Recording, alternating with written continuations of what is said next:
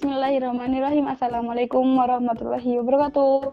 Annyeong teman-teman semua, apa kabar nih? Kayaknya sehat-sehat aja ya.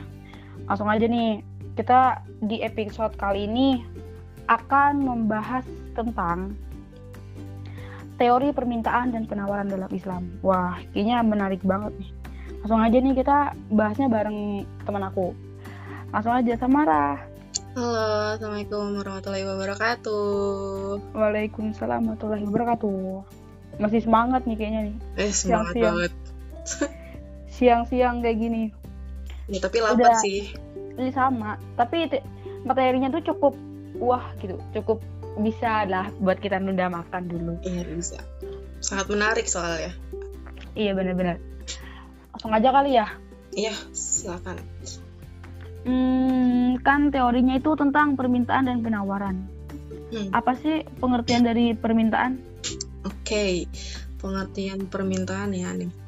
Eh, permintaan tuh merupakan sejumlah barang atau jasa yang akan dibeli pada berbagai tingkat harga. Nah, hubungan antara harga barang atau jasa dan jumlah barang atau jasa yang diminta ini menyebabkan terjadinya hukum permintaan yang berbunyi jika harga barang atau jasa naik sementara hal lain selain harga dianggap tetap nah, maka jumlah barang atau jasa yang diminta turun sebaliknya dan sebaliknya. Terus permintaan dapat dibagi menjadi dua nih. Yang pertama permintaan absolut. Nah permintaan absolut itu permintaan terhadap barang dan jasa secara umum dengan disertai atau tidak disertai dengan kemampuan untuk membeli mungkin dalam artian kayak nggak punya duit kali ya Bisa-bisa. Nah, terus yang kedua, permintaan efektif. Permintaan terhadap barang dan jasa yang eh, disertai dengan kemampuan untuk membeli. Jadi dia mempunyai duit, mungkin orang kaya atau gimana ya, pokoknya yang punya duit. Dapat Gitu. lagi ini habis dapat door prize mungkin undian. Iya, bisa jadi sih. Seperti itu pengertian permintaan. Gitu. Oke. Nah, pengertian udah. Terus jelasin dong sedikit hukum dari permintaan itu apa? Nah, hukum ya, hukum permintaan nih. Ini dikit banget sih sebenarnya. Oke. Eh, Oke kan eh, nih banyak yang menganggap faktor-faktor lain bersifat kayak tetap setris paribus. Nah, hukum permintaan tuh menyatakan bahwa ke eh, ketika harga suatu barang dan eh, suatu barang atau jasa tuh mengalami penurunan, maka eh, jumlah permintaan barang atau jasa tersebut akan naik. Dan sebaliknya ketika harga barang atau jasa meningkat maka jumlah barang atau jasa yang diminta akan berkurang nah hukum ini merupakan salah satu hukum dasar dalam dunia perekonomian dalam kehidupan nyata permintaan seperti itu Oh, jelas kan ya Ya, cukup cukup jelas. Simple juga lah ya, gampang diingat lah. Terus eh, selanjutnya nih, apa aja sih faktor-faktor yang dapat mempengaruhi permintaan dalam ekonomi Islam? Oke, faktor-faktor nih nih, faktor-faktor lumayan banyak ya. Ada enam nih Iya. Oke, yang Iya pertama benar. pendapatan konsumen. Nah, pendapatan konsumen tuh kenaikan pendapatan konsumen akan meningkat akan meningkat akan meningkatkan maaf ya akan meningkatkan daya beli konsumen. Nah, hal ini akan meningkatkan jumlah pembeliannya kecuali untuk pembelian barang-barang. E, menurut ekonomi Islam Islam, naiknya pendapatan tidak boleh dipergunakan secara berlebihan atau boros, no. Jadi kita sama sekali nggak boleh boros ya. Boros juga nggak baik buat apa gitu kan. Iya benar. barang kalau yang Mubazir, bukan- mubazir. Iya, kalau beli barang bukan buat kebutuhan juga sayang aja gitu barangnya ya kan. Sayang dong. Iya, lebih di- lebih baik disedekahin tuh. Iya, makanya betul. Lanjut ya yang kedua. Harga barang lain yang terkait. Terdapat dua jenis barang lain yang terkait yaitu barang substitusi dan komplementer. Nah, barang substitusi merupakan eh, barang pemuas kebutuhan manusia yang sifatnya tuh saling menggantikan. Nah, permintaan suatu barang akan meningkat jika harga barang pengganti substitusi naik. Demikian pula sebaliknya juga seperti itu. Nah, sementara itu barang komplementer merupakan barang yang kegunaannya saling melengkapi satu sama lain. Nih, melengkapi satu sama lain gak tuh? Asik gak tuh?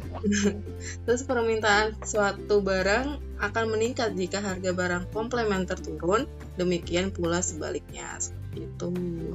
Nah, yang ketiga, selera konsumen. Nah, selera konsumen tuh uh, tidaklah eh enggak maaf. Ekonomi Islam tuh tidak tidak melarang seseorang untuk mengikuti seleranya selama selera itu tidak bertentangan dengan prinsip syariat Islam. Nah, diceritakan nih bahwa Nabi Muhammad SAW menyukai makanan yang diolah dari labu. Beliau juga menyukai baju jenis gamis dan beliau menyukai warna putih pada bajunya. Nabi Muhammad SAW juga menjelaskan mengapa beliau beliau menyukai hal tertentu seperti labu adalah seperti labu nih contohnya.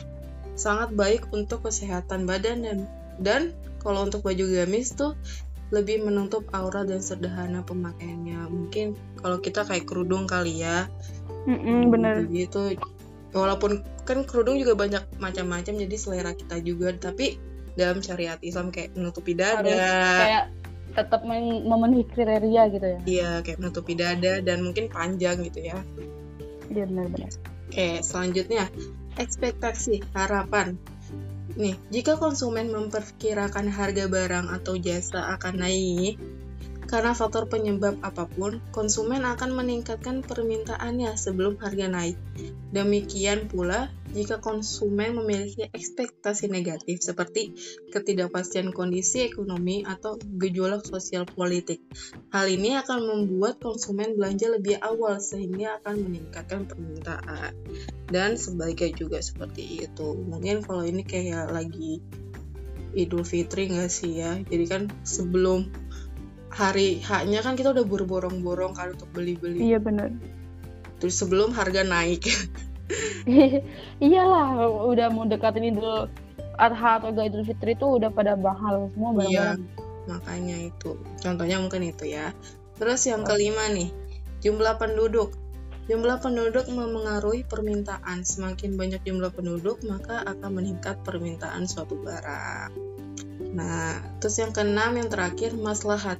Bagi konsumen Islam, maslahat itu merupakan tujuan utama dalam mengonsumsi barang. Nah, karena maksimas maaf, maksimasi maslahat merupakan cara untuk mencapai kesejahteraan umat di dunia dan akhirat. Jadi, balik lagi, kalau kita mau beli barang ya harus ada maslahatnya juga. Itu gunanya buat apa?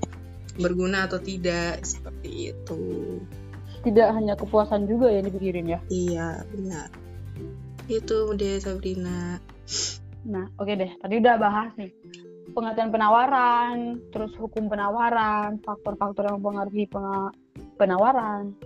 Terus sekarang pengertiannya ini nih eh tadi permintaan maaf maaf. Sekarang penawaran nih pengertiannya apa? Terus okay. hukumnya terus hukumnya apa gitu? Oke langsung ya langsung dua nih pertanyaannya. Iya benar Oke. Uh, permin uh, permintaan kan pengertian penawaran penawaran tuh merupakan jumlah barang atau jasa yang akan ditawarkan ya. Jelas namanya penawaran gitu kan. Pada berbagai tingkat harga dan jumlah tertentu. Hubungan antara harga barang atau jasa dan jumlah barang atau jasa yang ditawarkan menyebabkan terjadinya hukum penawaran yang menyatakan bahwa semakin tinggi harga suatu barang dengan hal lain selain harga dianggap tetap, maka akan semakin banyak barang yang akan ditawarkan agar kemaslahatan total maksimum tercapai dan sebaliknya seperti itu. Nah, pola hubungan antara jumlah barang atau jasa yang ditawarkan produsen dan tingkat harga barang atau jasa ini akan e, membentuk kurva penawaran. Kurva penawaran Islam tuh berbunyi jika harga barang atau jasa naik sementara hal lain selain harga dianggap tetap, maka jumlah barang atau jasa yang ditawarkan akan meningkat. Nah, setris paribus. Nah, setris paribus itu maksudnya eh, dianggap tetap ya, tetap itu. Oke. Okay. Nah, Uh, di sini meliputi faktor kemanfaatan dan berkah dari barang yang tetap. Nah, teknologi tetap dan faktor yang relevan lainnya.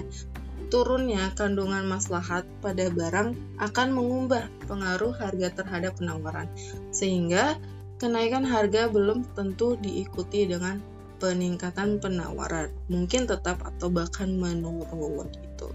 Nah, itu pengertian penawaran. Nah, langsung aja pertanyaan kedua ya. Betul tadi hukum penawaran hukum. ya? Hukum. Ya, hukum. Oke, hukum penawaran hukum penawaran apa sama dengan hukum permintaan? Hmm, itu berkebalikan dengan hukum permintaan ya.